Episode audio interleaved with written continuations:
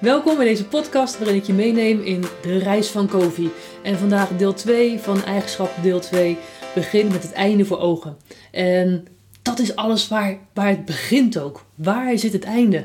Wat wil jij bereiken in de aankomende tijd? Ehm, in deel 2 gaan we het vooral hebben over het centrum.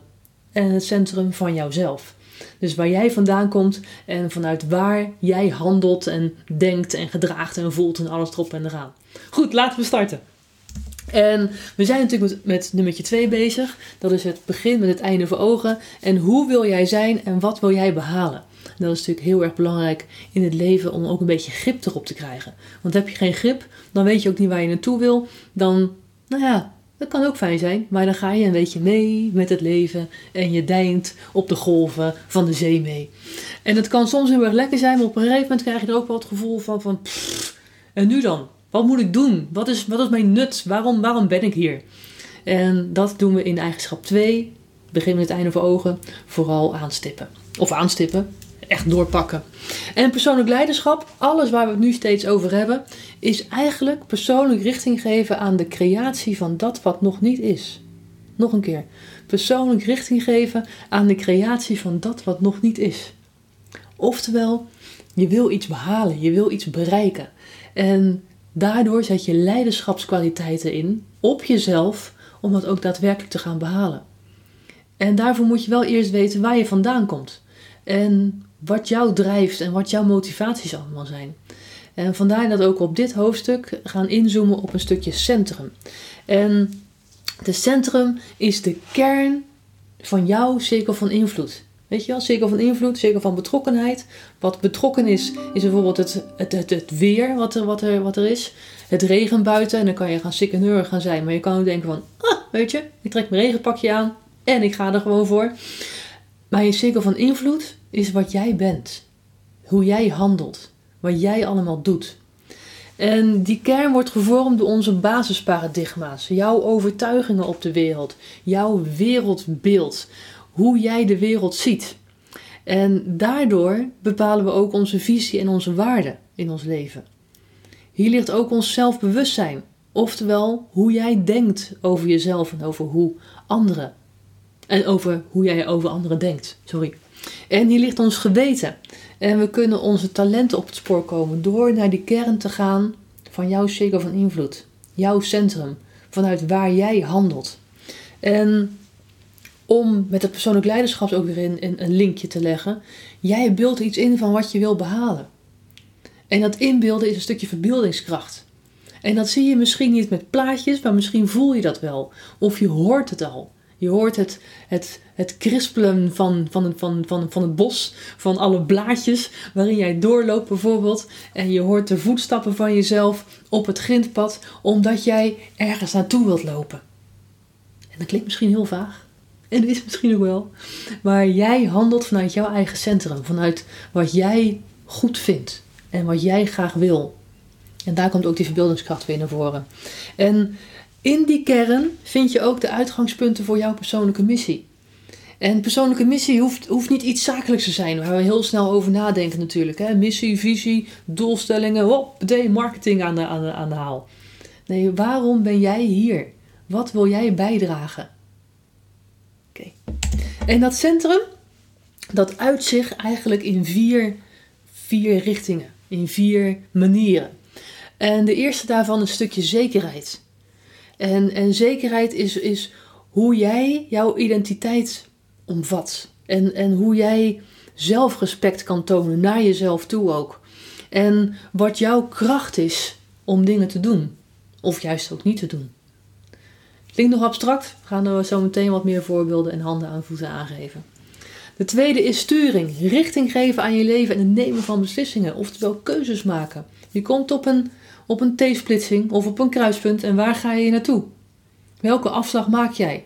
En denk dan bijvoorbeeld aan hele kleine dingetjes van: hé, hey, wat ga ik vanavond eten? Ga ik dat frietje op de hoek halen of maak ik een lekkere zonnige salade voor mezelf?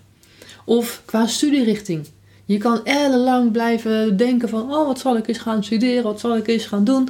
Of weet ik veel wat, of die baan. Maar take massive action soms. Gewoon actie ondernemen. Keuzes maken.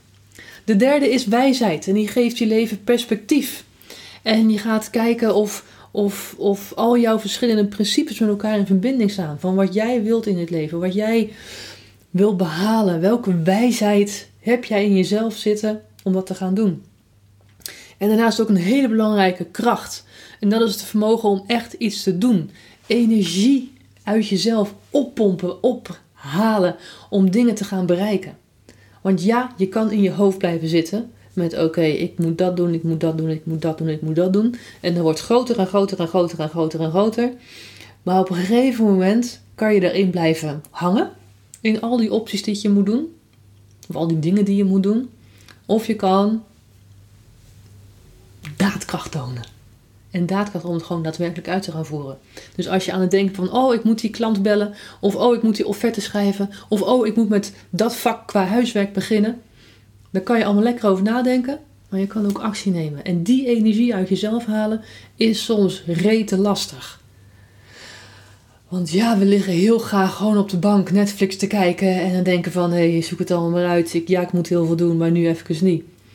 Maar om die energie uit jezelf te putten, om het daadwerkelijk te gaan doen, daar is kracht voor nodig. En die vier factoren zijn onderdeel van elkaar. Zij sluiten elkaar niet uit, zij versterken elkaar ook zelfs eigenlijk. En, uh, en dan komt er een heel mooi zinnetje. Als ze goed samenwerken, creëren ze een edelmoedige persoonlijkheid met een evenwichtige natuur. Al die vierde dingen, zekerheid, sturing, wijsheid en kracht, als die samenkomen, komen ze samen tot een soort stuk compleet mens. En compleetheid in zowel die vier aspecten als op professioneel, persoonlijk en sociaal vlak, die gun ik echt serieus iedereen. Het centrum als uitgangspunt. Kofi heeft daar verschillende uitgangspunten, eh, verschillende centra eigenlijk eh, ehm, onderzocht en opgeschreven. En die centra die kan je natuurlijk vinden bij Kofi in het boek. En sommige mensen die leven vanuit hun principe geld is belangrijk. Of die werken uit het principe, of die leven vanuit het principe dat werk belangrijk is. Of materiële zaken zijn belangrijk. Of uh, genot is belangrijk. Of vrienden zijn belangrijk. Of die vijand die ik heb, die competitie, die, die competitieve drang die je kan hebben als je een offerte aan het maken bent. Of als je de beste wil worden in een project of weet ik veel wat. Dat kan ook een principe zijn, een stukje strijdkracht. Sommige mensen die, die, die leven vanuit hun principe, vanuit de kerk of vanuit het geloof, een religie, om wat breder te pakken. Sommigen die mensen die, die leven vanuit hunzelf. En wat zij belangrijk vinden en fijn vinden en leuk vinden. En die houden geen rekening, of minder rekening, met de mensen om hen heen. Andere mensen die kunnen weer leven echt alleen maar voor hun partner. Man, vrouw, ehm, gezin, zou ik maar zeggen. Alles belangrijkste wat er in de wereld is, is die andere persoon. En daar maken ze ook hun keuzes voor. En bijvoorbeeld ook familie mensen uh, of ook bepaalde culturen die leven vanuit een familiegedachte. Familie is het belangrijkste. Ieder mens heeft een centrum. Dat zien we vaak niet, dat weten we ook niet vaak bewust, maar iedereen heeft één overwegende grote centrum. En we hebben allemaal wel deeltjes van die andere centra. Maar iedereen heeft wel één overheersende centrum. En jouw centrum is jouw paradigma. Is vanuit waar jij, hoe jij naar de wereld kijkt. En jouw centrum is ook jouw basis, dus eigenlijk, dus hoe je naar die wereld kijkt. Die is heel belangrijk voor je. Stel je voor, je neemt ik als centrum. Een mens, een persoon waarvan ik, jezelf, het belangrijkste is. Als we dan naar die vier factoren gaan kijken van zekerheid, sturing, wijsheid en kracht, dan kan die zekerheid kan heel wisselend zijn. Want soms voel ik me zo gezellig of soms voel ik me verdrietig. En soms voel ik me, voel ik me echt helemaal hilarisch, hyper de piep, helemaal hartstikke blij. En soms heb ik zo het gevoel van. Oftewel, die zekerheid qua gemoedstoestand is niet zo zeker. Sturing. Waarom doe je de dingen? Waarom ga je de dingen doen zoals je die doet? En eigenlijk is dat vooral om naar jezelf te kijken, om te kijken van, goh, wat levert mij dit op? Ik moet er een prettig gevoel bij houden. Ik. Niet iemand anders. Ik moet het fijn vinden. En daarom doe ik iets wel of doe ik iets niet. En mijn wereldbeeld qua wijsheid is vooral gevormd op de manier waarop vroegere gebeurtenissen of omstandigheden invloed hebben op mij. Oftewel, wat jij hebt meegemaakt is de waarheid. En andere mensen kunnen er andere mening over hebben, maar jij hebt het op, die moment, op dat moment zo meegemaakt en zo is het. En zo is dat voor jou. Dus die wijsheid komt vooral uit jezelf. En dat kan soms heel fijn zijn, want je moet echt op jezelf vertrouwen. Maar soms geeft het ook wel een heel erg nauw perspectief van hoe het ook kan zijn.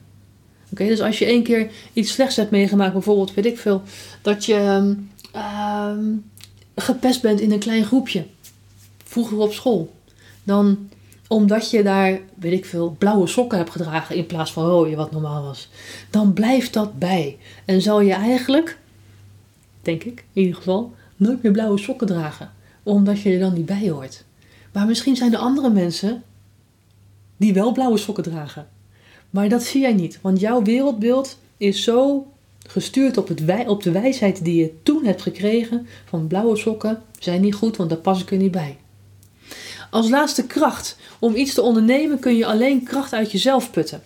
Dus je kan niet bouwen op andere mensen. Dat is als je vanuit het centrum ik leeft. Oftewel, jij moet alles doen. Jij moet alles voor elkaar boksen. Jij moet het fixen. En dat er hulp is van andere kanten, dat zie je misschien nog wel, maar je vertrouwt ze niet echt. Want jij moet het doen. Dit is een voorbeeld van als je uit het centrum ik leeft. Een ander, een ander centrum kan genot zijn. En qua zekerheid is dat je je echt in je element voelt als je weer eens een hoogtepunt hebt beleefd. En ehm, dat bepaalt wel dat jouw zekerheid eigenlijk van korte duur is en vooral ook afhankelijk is van je omgeving.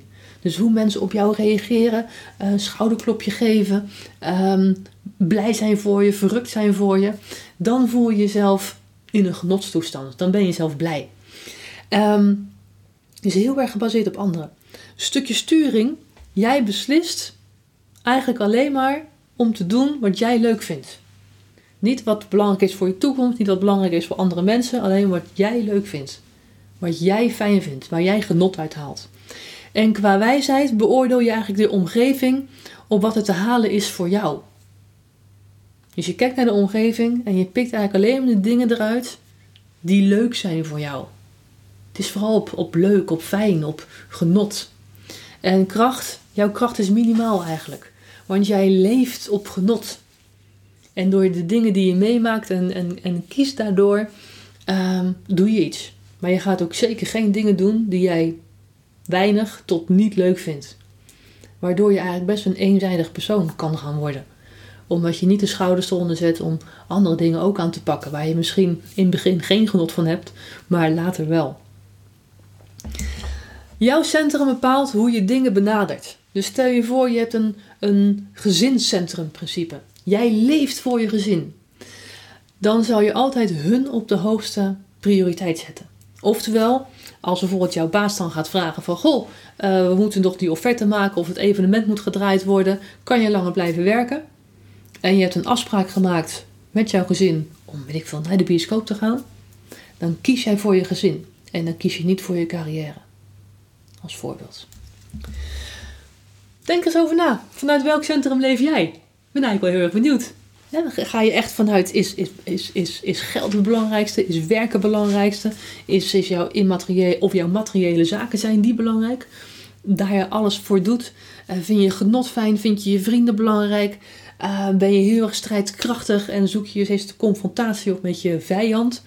Uh, leef je vanuit een religie? Uh, leef je vanuit jezelf?